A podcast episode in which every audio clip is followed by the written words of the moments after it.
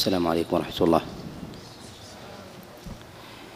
الحمد لله رب العالمين وصلى الله وسلم وبارك على نبينا محمد وعلى آله وأصحابه ومن تبعهم بإحسان إلى يوم الدين. أما بعد أول أحاديث اليوم هو حديث كعب بن عجرة عليه رضوان الله تعالى أن رسول الله صلى الله عليه وسلم قال ومن ضيعهن يعني الصلوات. ولم يحافظ عليهن وضيعهن استخفافا بحقهن فليس له عهد عندي إن شئت عذبته وإن شئت أدخلته الجنة. هذا الحديث حديث قدسي. رواه رسول الله صلى الله عليه وسلم عن ربه جل وعلا. هذا الحديث بهذا اللفظ حديث منكر. أخرجه الإمام أحمد وغيره وموضع النكارة فيه هو في قوله ومن ضيعهن فليس له عهد عندي إن شئت غفرت له وإن شئت أدخل وإن شئت عذبته وإن شئت أدخلته الجنة. هذا الحديث يستدل به بعض العلماء على أن تارك الصلاة بالكلية لا يكفر وهو تحت مشيئة الله جل وعلا. وهذا الخبر وهو حديث كعب ابن عجرة جاء عن رسول الله صلى الله عليه وسلم من طرق متعددة. ليس فيه هذه اللفظة ومن ضيعهن استخفافا بحقهن وإنما المراد بالتضييع هنا المراد بالتضييع هو التخلف عن الوقت وعدم الاتيان بها مع تمام ركوعها وسجودها. يؤيد هذا أن الحديث قد رواه الإمام أحمد وغيره من حديث من حديث عبد الرحمن بن النعمان عن إسحاق بن سعد بن كعب بن عجرة عن أبيه عن كعب بن عجرة عن رسول الله صلى الله عليه وسلم.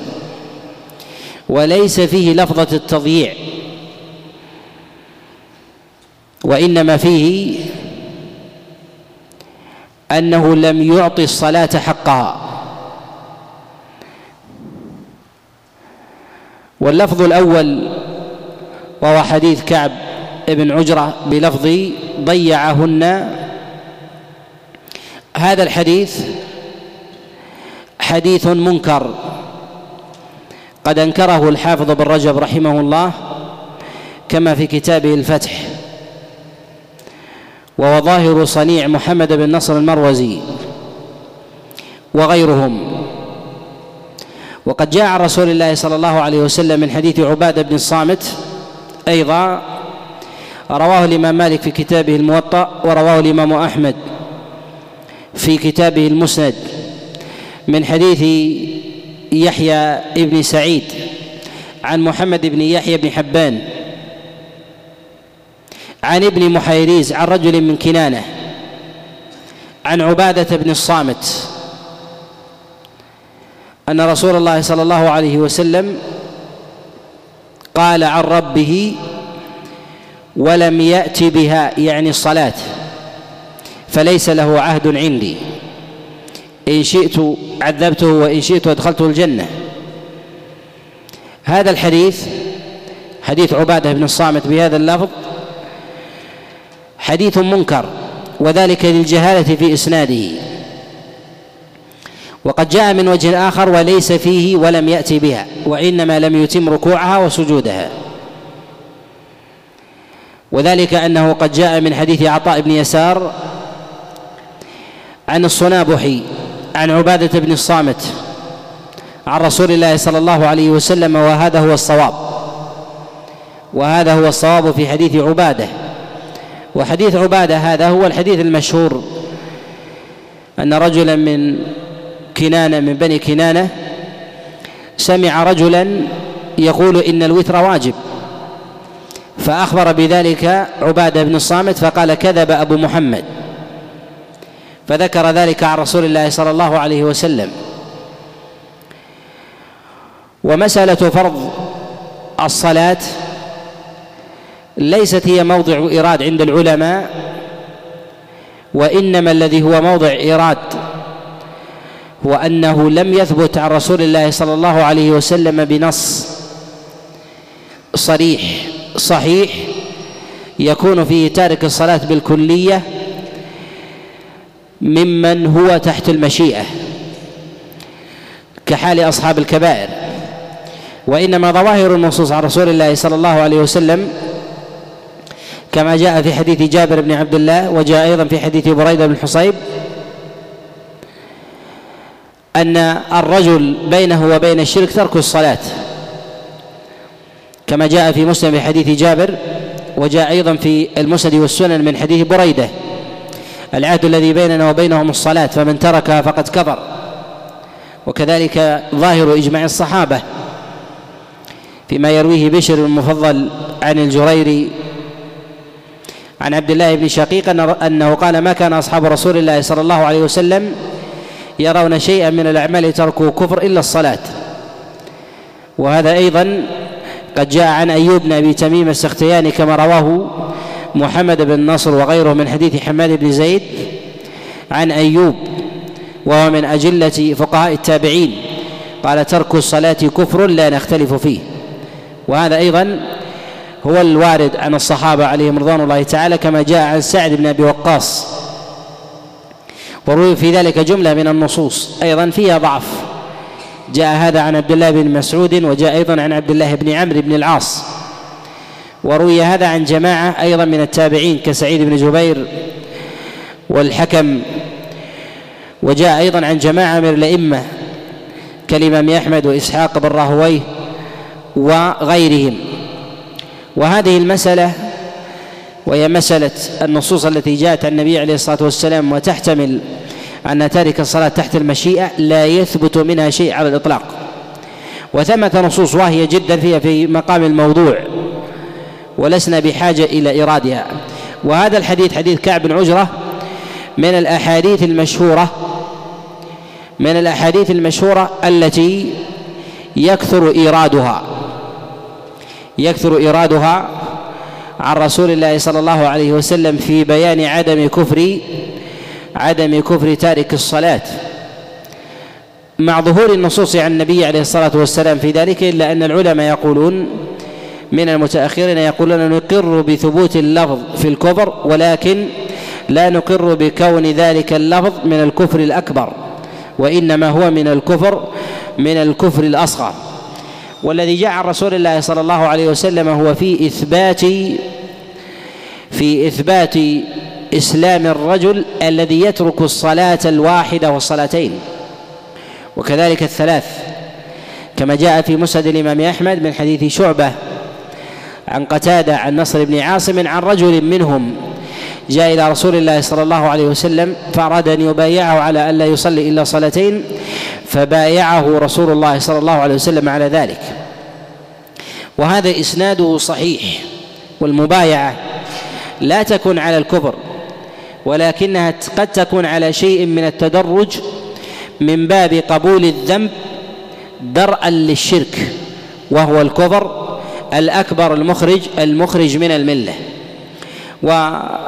ويتكلم العلماء على هذه المسألة وثمة مصنفات لجماعة من العلماء. وقد أورد محمد بن نصر المروزي في كتابه تعظيم قدر الصلاة جملة من النصوص عن رسول الله صلى الله عليه وسلم وكذلك عن السلف الصالح في أبواب التكفير وعدم تارك الصلاة.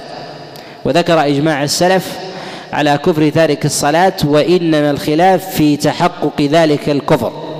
في تحقق ذلك الكفر هل هو من الكفر الأكبر أو من الكفر أو من الكفر الأصغر؟ الحديث نعم. نعم. نعم. حديث كعب ما العلة؟ ما بيناها؟ حديث كعب بن عجرة عليه رضوان الله تعالى هذا علته عبد الرحمن ابن الحارث. قد تكلم فيه غير واحد من الأئمة كالإمام أحمد ويحيى بن معين وأبي حاتم وهو ضعيف في حفظه. الحديث الثاني هو حديث سعيد بن المسيب عن أبي قتادة أن رسول الله صلى الله عليه وسلم قال في حديث طويل في حفظ الصلاة قال ومن لم يحافظ عليها. ثم ذكر شبيها بنص حديث كعب وحديث عبادة وإنما ذكر المحافظة هنا ولم ومن لم يحافظ عليها. يستدل به من يقول أيضا بعدم كفر تارك تارك الصلاة. هذا الحديث رواه الإمام أحمد وأبو داود وابن ماجه والدار قطني وغيرهم من حديث ضبابه ابن عبد الله عن دويد بن نافع عن ابن شهاب الزهري عن سعيد بن المسيب به. وهذا الحديث منكر. تفرد به بقية بن الوليد عن ضبابة ابن عبد الله عن دويد بن نافع عن ابن شهاب عن سعيد بن المسيب به. وذلك أن بقية بن الوليد في حفظه ضعف.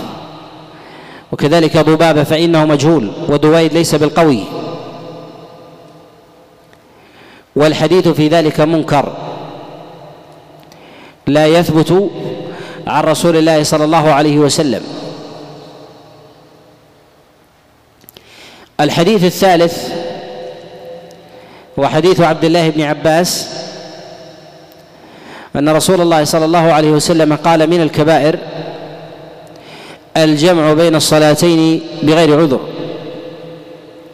هذا الحديث رواه الإمام أحمد والترمذي في كتابه السنن من حديث حنش وهو حسين بن قيس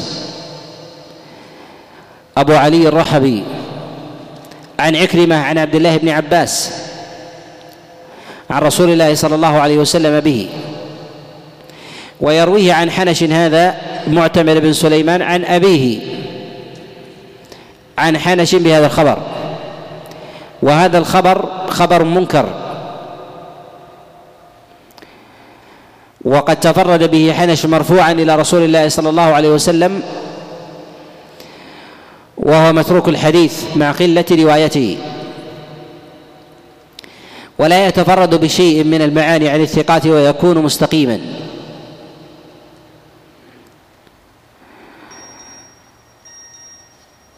وقد حكم عليه بأنه ليس له أصل غير واحد من الحفاظ كالعقيلي في كتابه الضعفاء. قال هذا الحديث ليس له أصل. وقال أبو الفرج بن الجوزي قال لا يصح. وذلك أن النبي صلى الله عليه وسلم قد جمع لحاجة ومعلوم أن ثمة فرق بين العذر والحاجة. أن العذر هو الشيء القاهر الذي يمنع الإنسان من القيام بالشيء. وأما بالنسبة للحاجة فهي التي تطرأ على الإنسان مع إمكانه أن يقوم بالأمر الواجب عليه. وهذا الإطلاق في حديث عبد الله بن عباس يخالف ذلك الأصل. وقد جاء رسول الله صلى الله عليه وسلم كما في الصحيحين وغيرهما أنه صلى الظهر والعصر جمعا ثمانية وصلى المغرب والعشاء جمعا سبعا. وقد سئل عبد الله بن عباس عن ذلك فقال لكي لا يحرج أمته. على خلاف عند العلماء في سبب جمع رسول الله صلى الله عليه وسلم بالمدينة. والأصل أن النبي عليه الصلاة والسلام يحافظ على أداء الصلاة في أول وقتها ولا يؤخرها إلا فيما ندر للحاجة والمصلحة أو للعذر. ولهذا قال عبد الله بن مسعود عليه رضوان الله كما جاء في الصحيحين وغيرهما قال لم يصلي رسول الله صلى الله عليه وسلم صلاة في غير وقتها قط إلا صلاته بجمع. وهذا إشارة إلى أنه لم يعهد عن النبي عليه الصلاة والسلام أنه كان يجمع الصلوات في أمور الحاجات وإنما في مقام الأعذار. وهذا الحديث وهو حديث عبد الله بن عباس في جعل الصلاة جمع الصلاة إلى الصلاة كبيرة من كبائر الذنوب. إنما قلنا بنكارته مع ثبوته عن عمر. إنما قلنا بنكارته مع ثبوته عن عمر لأن عموم لفظ النبي يختلف عن عموم لفظ غيره. وذلك أن عمر بن الخطاب عليه رضوان الله إذا أطلق لفظا لا يؤخذ بعمومه كما يؤخذ عن النبي عليه الصلاة والسلام. والنبي جاء بجوامع الكلم وصح هذا اللفظ عن عمر عليه رضوان الله أن الجمع بين الصلاتين كبيرة من كبائر الذنوب بلا عذر. هذا قد رواه ابن أبي شيبة في كتابه المصنف وابن المنذر في الأوسط والبيهقي في السنن من حديث قتادة عن أبي العالية رفيع بن مهران الرياحي. عن عمر بن الخطاب أنه قال من جمع بين صلاتين بغير عذر فقد أتى بابا من أبواب الكبائر وهذا الحديث قد أعله بعضهم بعدم سماع أبي العالية من عمر بن الخطاب أعله بذلك الشافعي والبيهقي. ولكن يقال إن هذا الخبر قد جاء عن عمر بن الخطاب من غير طريق. من غير طريق. جاء عند مسدد في كتابه المسند من حديث بكر بن عبد الله المزني عن عمر بن الخطاب أنه كتب إلى أبي موسى أن من جمع بين الصلاتين فقد أتى كبيرة من كبائر الذنوب. وجاء أيضا عند أبي عند أبي إسحاق الفزاري من حديث التمار عن حميد بن هلال أن عمر بن الخطاب كتب إلى أبي موسى وذكر نحوه. وجاء أيضا من حديث أبي قتادة العدوي كما رواه عبد الرزاق في كتابه المصنف وابن أبي شيبة أيضا من حديث أبي قتادة العدوي عن عمر بن الخطاب أنه كتب إلى أبي موسى أن من الكبائر ثلاثة الجمع بين الصلاتين بغير عذر والتولي يوم الزحف والنهبه وهذه بمجموعها يدل على أن الأثر ثابت. وقد جاء هذا عن جماعة رواه عن عمر أبو العاليه رفيع بن مهران وحميد بن هلال وبكر بن عبد الله المزني وأبو قتادة العدوي كلهم يروونه عن عمر بن الخطاب. وأبو قتادة العدوي قد أدرك عمر بن الخطاب عليه رضوان الله. وقد قوى هذا الخبر البيهقي كما في كتابه السنن بمخرجين له. وقد وجدنا أيضا مخرجين آخرين لهذا الحديث فدل على أن الاعتراض في هذا أقوى. وإنما يقول بعض العلماء إن العمل على حديث عبد الله بن عباس المرفوع كما قال ذلك الترمذي قال وعليه العمل عند أهل العلم. يعني حديث عبد الله بن عباس. في أن من جمع بين الصلاتين بغير عذر فقد أتى بابا من أبواب الكبائر. قالوا وذلك هو الأصل وما خرج عن الأصل فإنه يرجع إليه يرجع إليه بورود الدليل. ولكن مثل هذا الإطلاق نقول إن العمل عليه من جهة الأصل لكن لا يكون هذا اللفظ من قول رسول الله صلى الله عليه وسلم بهذا العموم قياسا على كثير من من إطلاقاته عليه الصلاة والسلام بالأمر وكذلك النهي. وإنما نقول عليه العمل إذا لم يقم عذر ولم تقم حينئذ حاجة. وإذا كان كذلك فإننا نقول فإننا نقول إن العمل على ذلك بهذين بهذين القيدين. وأما ثبوت ذلك إسنادا عن رسول الله صلى الله عليه وسلم فلا يثبت. ولهذا نجد عامة العلماء يستنكرون هذا الخبر رواية عن رسول الله صلى الله عليه وسلم. ولم يثبت عن النبي عليه الصلاة والسلام أنه جمع بين صلاتين من غير حاجة ولا عذر فإن لم يكن عذر فهو حاجة. وإن لم يكن حاجة فهو عذر والعذر يدخل فيها تدخل فيها الحاجات وهي الضرورات التي تطرأ على الإنسان. وعلى هذا الحديث طرأ خلاف العلماء في مسألة جمع الإنسان لمرضه أو جمعه في حال الإقامة. وقد جاء هذا أيضا في الجمع بين الصلاتين أنه كبيرة من كبائر الذنوب عن عمر بن عبد العزيز. كما رواه ابن أبي شيبة في كتابه المصنف من حديث حفص بن غياث عن أبي بن عبد الله عن عمر بن عبد العزيز. وأما بالنسبة للحاجة فهي الحاجة أن يكون الإنسان محتاجا إلى شيء مع قدرته على على القيام به. ومن ذلك ما رواه ابن أبي شيبة في كتاب المصنف عن عبد الرحمن بن حرملة أن رجلا جاء إلى سعيد المسيب فقال له إني راعي وإني أرجع بها صلاة المغرب وإني أضع أضع رأسي وأفوت العتمة. فقال له لا تفوتها وإلا فاجمع إليها فاجمعها إلى المغرب.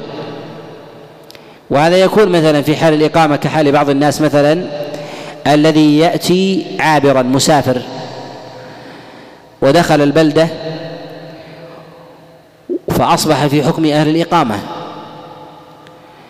ويجب عليه ويجب عليه أن يؤدي الصلاة بوقتها.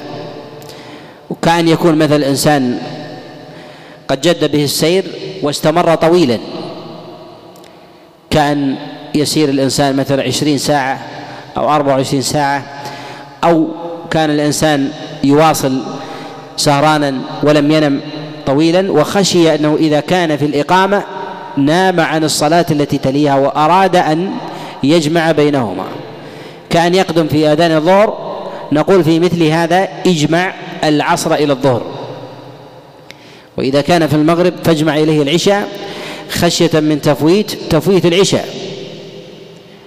وهذا أيضا يكون كحال الإنسان مثلا الذي يكون متابعا لحالة مريض يخشى عليه أو حال الشرط الذين يتابعون عدوا أو سارقا أو مجرما أو نحو ذلك أو الأطباء الذين لا يدرون إذا اعتنوا بمريض هل يستطيعون الخروج عنه كحال غرف العمليات أو نحو ذلك؟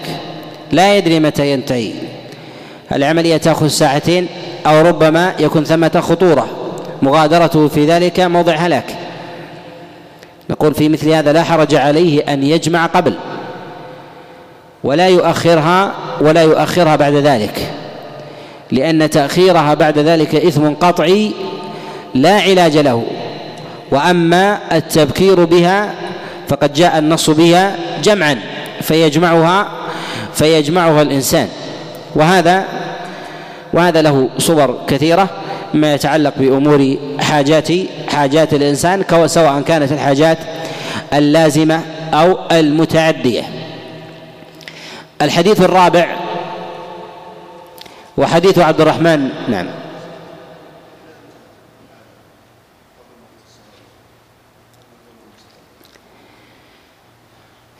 يقول إذا انتهت الحاجة قبل الصلاة الأخرى هل نأمره بالإعادة؟ أم لا؟ لا نأمره بالإعادة. لا نأمره بالإعادة لماذا؟ لأنه أداها على وجه مشروع. كحال الإنسان الذي يكون مسافر ودنا من بلده. ورأى البنيان لكنه لم يدخل البنيان. وأذن المغرب فصلى المغرب وجمع إليه العشاء ثم دخل البلدة. ألم يصبح مقيما؟ أصبح مقيما قبل دخول العشاء. لا نوجب عليه صلاة العشاء. لماذا؟ لأنه أداها على وجه مشروع. كذلك أيضا إذا كان الإنسان في حال إقامة في حال في حال إقامة فجمعها. كحال الإنسان مثلا أدى الصلاة وهو طبيب ويعتني بمريض ولديه مثلا عملية جراحية. فأدى الصلاة جمعا تقديم. ثم انتهت هذه العملية وبقي من الوقت شيء. هل نقول أعد تلك الصلاة أم لا؟ نقول لا تعيدها لماذا؟ لأنه أداها على وجه مشروع سائغ.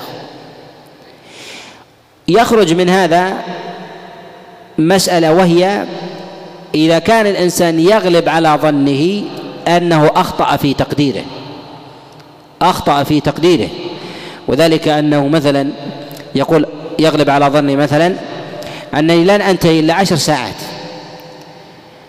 ولكن المعروف في مثل هذه الحال أنهم ينتهون كحد أقصى في خمس أو ست. ورأى أنه جازف في تقدير الوقت الذي لأجله جمع. نقول يعيد إبراء لذمته في مثل هذا. لكن إذا كان يغلب على الظن أن مثل هذا الوقت هو المعتاد أو الحد الأقصى الذي يرد عليه البعض. فنقول لا حرج في ذلك. وهذا يطرأ. كثيرا. كحال الإنسان مثلا الذي يقوم حارسا على أموال الناس من اللصوص ونحو ذلك فيسهرون في الليل ويخشون فوات صلاة العشاء لديهم. يصلون المغرب ويخشون مثلا إذ انفتلوا عن المجرمين أن يكونوا قد هربوا. فنقول لا حرج عليه أن يجمع وإذا وجد وقتا مثلا في آخر وقت صلاة العشاء بساعة. فنقول إنه لا يعيد تلك الصلاة. إذا كان أداها وغلب على ظنه أنه لن ينتهي. ويكون انتهاؤه من ذلك أمر عارض وقليل أو في بعض الأحيان. فنقول مثل هذا مثل هذا حكمه على التقسيم السابق. الحديث الرابع هو حديث عبد الرحمن بن علقمة. أن رسول الله صلى الله عليه وسلم أتاه وفد ثقيف فأهدوه هدية وأخذوا يسألونه ويسألهم حتى صلى الظهر مع العصر. هذا الحديث أخرجه الإمام أحمد والبخاري في كتابه التاريخ وابن أبي عاصم في في كتاب الأحاد المثاني وغيرهم من حديث أبي حذيفة عن عبد الملك ابن بشير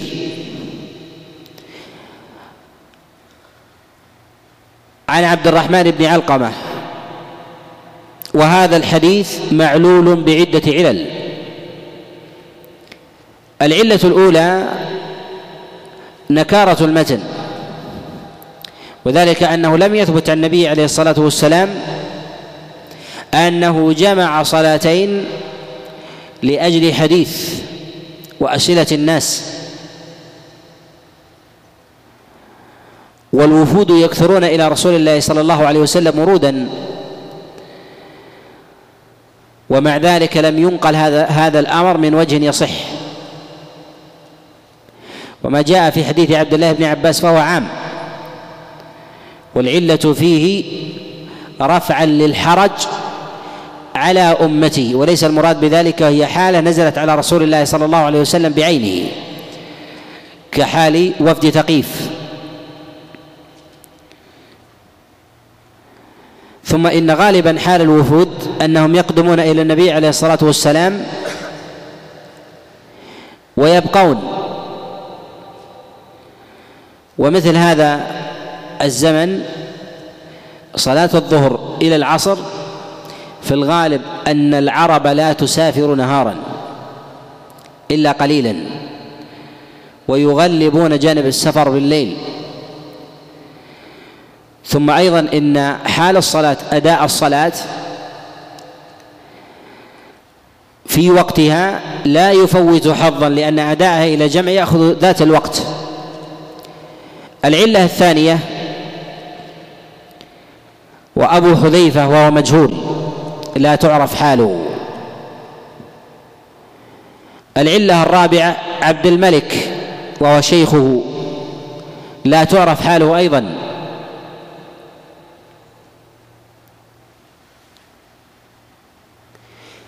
العلة الرابعة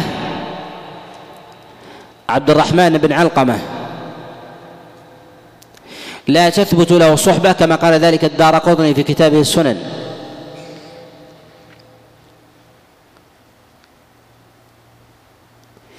العلة الخامسة أنه لا يثبت سماع هؤلاء من بعض. ولهذا يقول البخاري رحمه الله في كتابه التاريخ لا يعرف سماع هؤلاء من بعض. وذلك أنه يغلب في أحوال المجهولين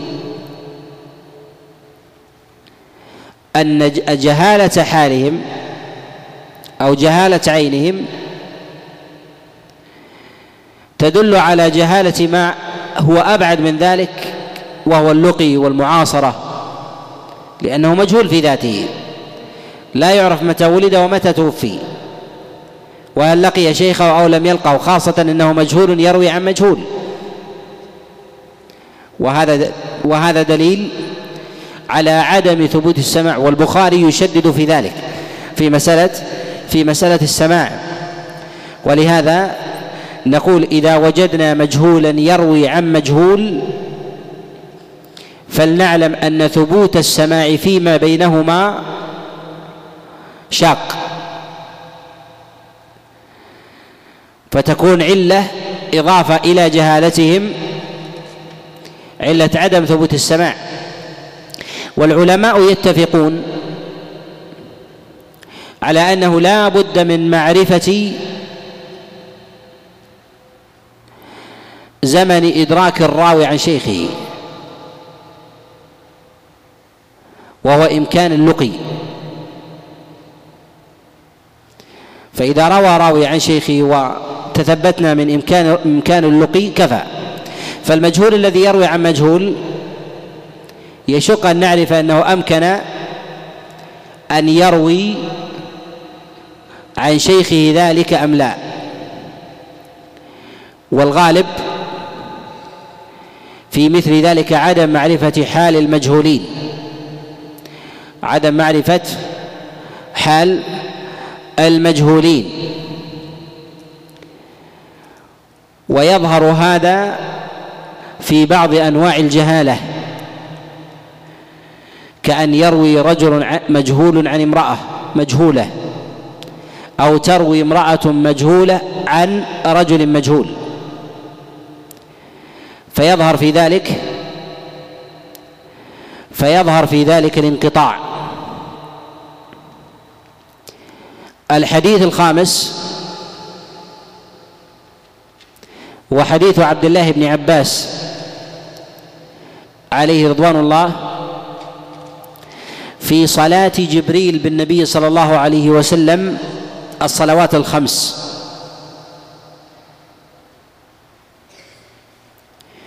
وفيه لفظان أولهما هذا وقتك ووقت الأنبياء من قبلك.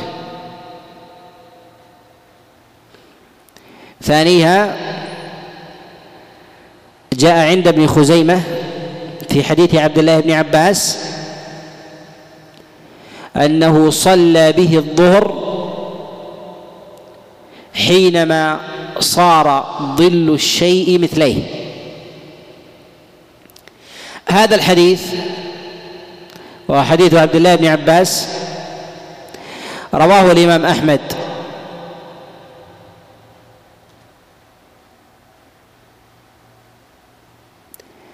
من حديث عبد الرحمن ابن الحارث ابن عبد الله ابن أبي ربيعة عن حكيم بن حكيم بن حنيف. عن نافع بن جبير ابن مطعم عن عبد الله بن عباس. وهذا الحديث معلول بعلل أولها أن حديث صلاة جبريل برسول الله صلى الله عليه وسلم جاء من طرق متعددة عن جماعة من الصحابة. جاء من حديث أبي هريرة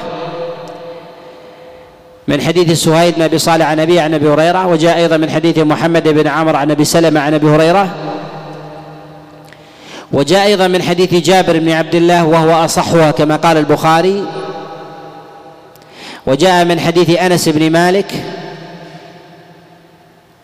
وغيرهم ولم يرد فيها قول هذا وقتك ووقت الأنبياء من قبلك. وأن النبي عليه الصلاة والسلام صلى صلاة الظهر إذا كان وقت أو إذا كان ظل الشيء مثليه. وهذا يوافق مذهب الحنفية. وهذا يوافق وقت الحنفية في صلاة الظهر. فإنهم يرون تأخر الإبراد واستحبابه دوما. العلة الثانية أن عبد الرحمن هذا الذي يرويه عن حكيم بن حكيم قال فيه الإمام أحمد متروك الحديث وقد لينه غير واحد. وحكيم بن حكيم ابن حنيف قليل الرواية.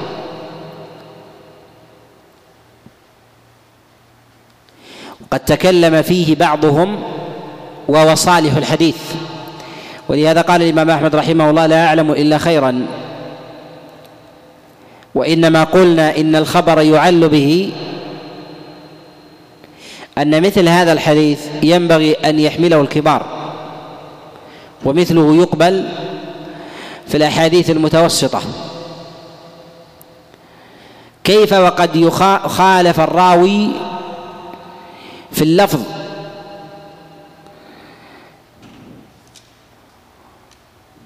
العلة الرابعة أو الثالثة. نعم. الرابعة. اضبط يا أسامة يا أنس. العلة الرابعة أن هذا الحديث هو حديث عبد الله بن عباس اختلف في إسناده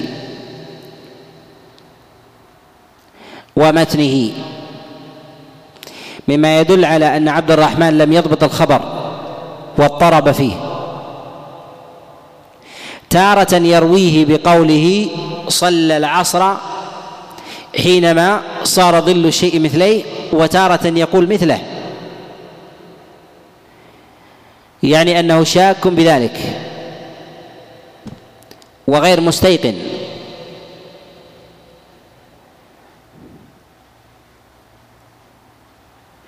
والأحاديث الواردة عن رسول الله صلى الله عليه وسلم في صلاة جبريل به مع كثرة الطرق التي جاءت فيه إلا أن هذه الألفاظ لم ترد في لم ترد فيها. مما يدل على نكارتها.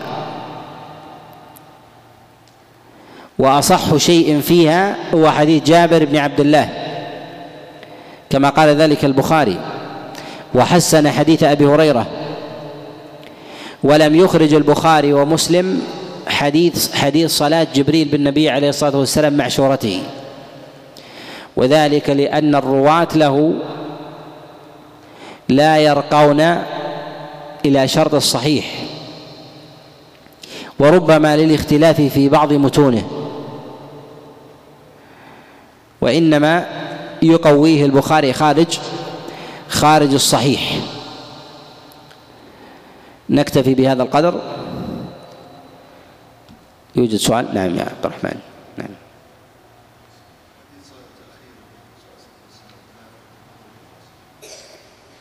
نعم ثابت صحيح. نعم.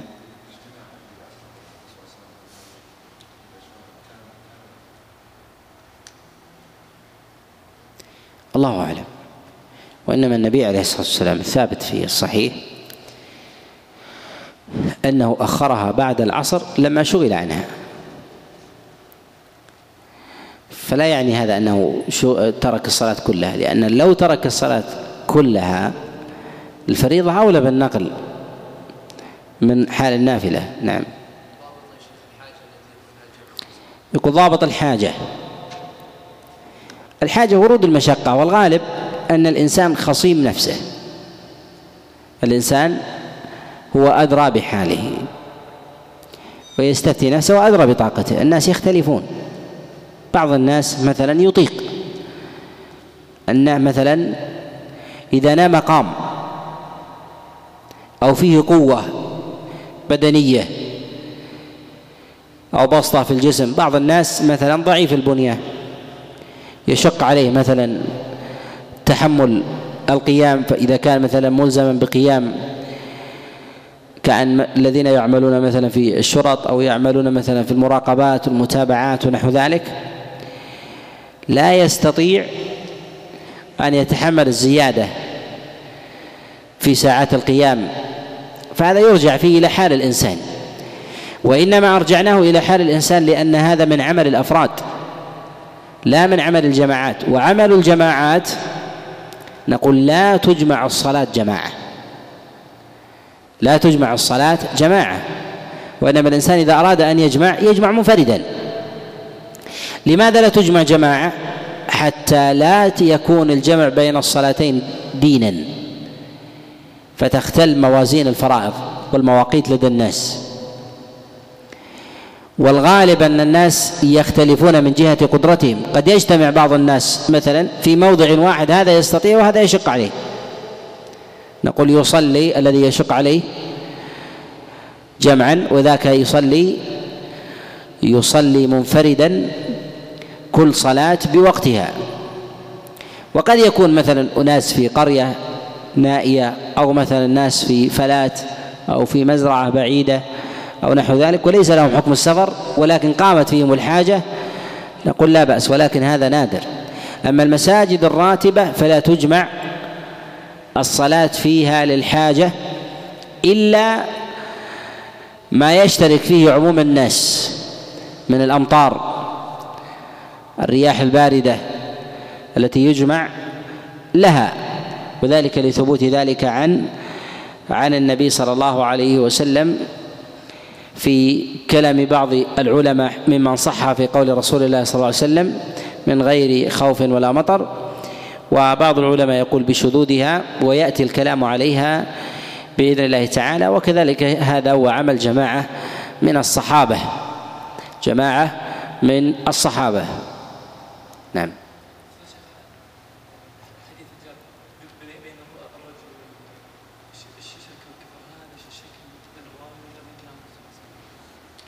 الله أعلم. احتمال أنه مرفوع. احتمال أنه مرفوع نعم.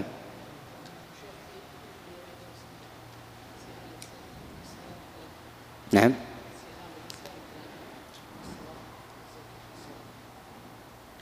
ثلاثة ولا سبعة؟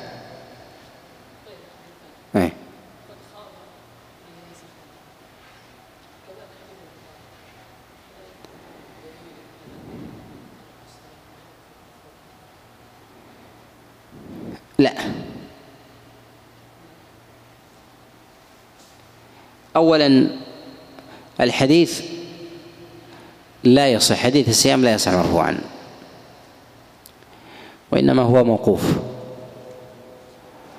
وأما حديث البطاقة فالرجل الذي لم يعمل خير قط فهل هذا يدل على أن تارك الصلاة لا يكفر.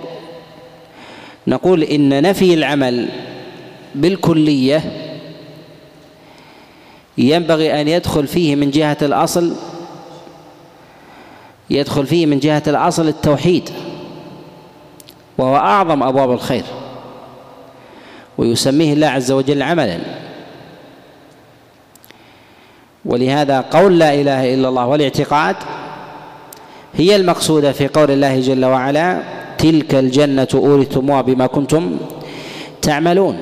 فالعمل المراد به في هذه الآية كما فسره غير واحد من المفسرين المراد بذلك التوحيد. ثم أيضا إن الإنسان قد يجهل يجهل وجوب الصلاة ولا يعلم شيئا من الأعمال تجب عليه على الأعيان ويتمسك بالتوحيد وينجو.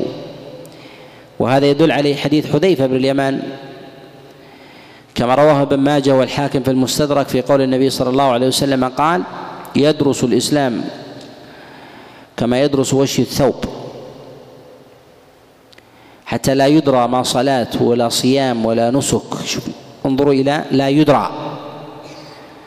ما صلاة ولا صيام ولا صدقة ولا نسك إلا أقوام يقولون إنا وجدنا أبانا يقول لا إله إلا الله فنحن نقولها. قال حذيفة تنجيهم من النار. يعني هذه العبارة. فهذا الرجل نستطيع أن نقول لم يعمل خيرا قط. كذلك أيضا في الرجل آه، حديث أبي هريرة في صحيح مسلم الرجل الذي حضرته الوفاة فقال إن أنا مت فأحرقوني. ثم أطحنوني في ثم أطحنوني ثم ذروني في الريح. الخبر وفيه لم يعمل خيرا خيرا قط. أمثال هذه القضايا قضايا الأعيان يكتنفها ما يكتنفها من أحوال. ينبغي ألا تجري على النصوص الصريحة عن النبي عليه الصلاة والسلام. نعم. نعم. شيء يقول الصلاة لأجل شدة الغبار. نقول إذا كان الغبار يشتد على الناس إما أن لا يستطيع الوصول إلى المسجد خاصة إذا اجتمع مع الغبار الريح الشديدة أو ربما أصيب الناس بالأمراض والأوبئة خاصة لمن به مثلا الربو والحساسية ونحو ذلك نقول لا حرج من الجمع. ولكن الأولى في هذا هو أن يقال الصلاة في الرحال وأن نقول إن الصلاة أو الصلاة في الرحال أولى من الجمع. يصلي الإنسان في حال المطر في بيته أو حال الرياح الشديدة أو البرد القارص الشديد يصلي يصلي في وهذا من السنن المهجورة. أكثر ما يختلف الناس وهذا نسأل عنه كثيرا من الأئمة والمؤذنين في حال المطر يقولون ماذا نصنع؟ أو صلينا وخالفنا بعض الجماعة. هل نعيد أو صلى بنا الإمام؟ لو أنهم نادوا الصلاة في الرحال ثم أغلقوا المساجد لارتاح الناس ولم يقع الخلاف. وهو أريح أيضا. ليس أريح للناس؟ أريح. أن يؤذن المؤذن فيقول الصلاة في الرحال بل إن الجمع في المطر لو قلنا إنه لم يثبت عن النبي عليه الصلاة والسلام أنه جمع في المطر ما كان بعيدا. ولا أعلم نصا صحيحا صريحا عنه عليه الصلاة والسلام أنه جمع في المطر. وإنما الذي جمع بعض الصحابة. قوله من غير خوف ولا مطر غير محفوظة. والثابت عن النبي عليه الصلاة والسلام كما في الصحيح من حديث عبد الله بن عباس هو الصلاة في الرحال. ومع ثبوت هذا إلا أنه لا يعمل لا يعمل به. والجمع يحدث خلاف عند الناس في بيان المقادير وأحوالها. كذلك أيضا الإفتاء فيه شاق. الإفتاء فيه شاق. بلدنا هذه قد يوجد مثلا مطر في حي ولا يوجد في حي آخر ويكون جاف. وإذا كان هذا البون بين حيين وربما متقاربين فكيف يكون البون بين حي ممطور مطرا خفيفا وبين حي ممطور مطرا مغرق فضابط هذا في الفتية شاق. ولهذا نقول في مثل هذه الأحوال ينبغي أن يعمم على أحوال الناس أن يؤذنوا. وأن يقولوا الصلاة الصلاة في الرحال. نعم قد يستغرب العامة كما استغرب بعض التابعين على عبد الله بن عباس. كما جاء في الصحيح حينما أمر المؤذن حينما قال حي على الصلاة حي الفلاح قال قل الصلاة في الرحال. فاستنكروا عليه فقال فعلها من هو خير مني رسول الله صلى الله عليه وسلم. نعم. نعم.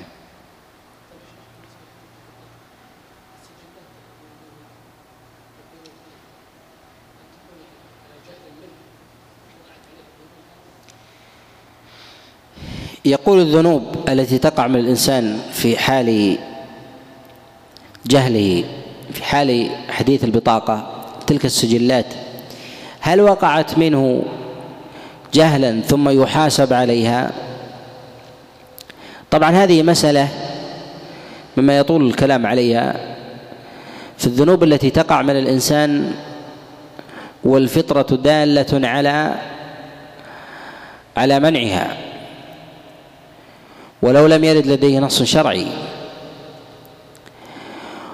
والذنوب التي يفعلها الإنسان وهو جاهل بها ثم علم ولم يتب منها. والإنسان الذي يجهل ثم يقع في الذنب هل تكتب في صحيفته أم لا؟ إذا اتفقنا أنه لا يعذب عليها.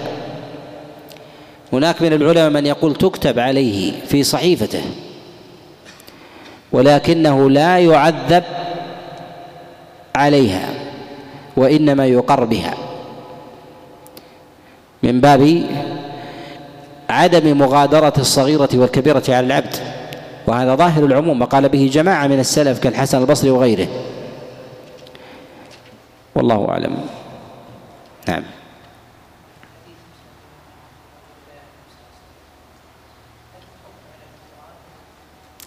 يقول الرجل الذي بايع بايعه رسول الله صلى الله عليه وسلم في المسند على ألا يصلي إلى صلاتين هل هو على الاضطراد أم قضية عين؟ الأصل انه على الاضطراد. أفعال النبي عليه الصلاة والسلام عامة. أفعال النبي عليه الصلاة والسلام عامة. وأمثال هذه الوفود الذين يأتون إلى رسول الله صلى الله عليه وسلم خاصة الكبار منهم النبي يريد أن يتألفهم ولا يمكن أن يتألفهم على الكفر. لا يمكن أن يتألفهم أن يتألفهم على الكفر. والنبي عليه الصلاة والسلام رفض من كفار قريش ما هو أدنى من هذا؟ ولهذا رسول الله صلى الله عليه وسلم حينما عرض عليه كفار قريش أن يعبدوا آلهته يعني النبي عليه الصلاة والسلام ستة أشهر قال لا أما أسلموا على الدوام ولا ستة أشهر ما فيه. ولهذا نقول إنه ينبغي للإنسان أن يعلم أن ما جاء رسول الله صلى الله عليه وسلم من نص فهو حكم إلى غيره. ولكن قد يقول قائل من عمل بهذا؟ من السلف. من عمل بهذا؟ من الصحابة والتابعين. نقول إن الإسلام ما زال يزداد قوة. ومثل هذا يحتاج إليه في حال ورود الضعف. ولهذا مثل هذا القول خليق بأن يعدم في زمن الخلفاء الراشدين. فإذا جاء رجل في زمن النبي عليه الصلاة والسلام في بداية الإسلام أراد أن يعرض أمره على رسول الله صلى الله عليه وسلم ومعه قبيلة كثقيف ألا يتنزل معه رسول الله صلى الله عليه وسلم في مثل هذه الحال ولو كان على كبيرة؟ نقول يتنزل. وهذا من السياسة الشرعية مع أن النبي عليه الصلاة والسلام لم يقره على الكفر. وإنما يؤمن بأن الشريعة خمس ولكن أسلم وصلي صلاتين. هذا مفهوم مفهوم الخبر. والله أعلم وصلى الله وسلم وبارك على نبينا محمد.